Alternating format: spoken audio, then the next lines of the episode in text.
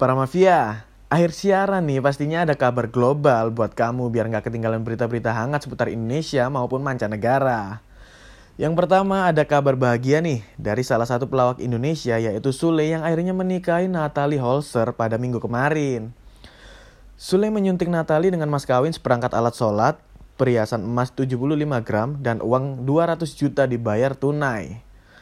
Bertepatan dengan hari pernikahan ini, Sule dan Natali merilis single duet bertajuk Satu di Hati.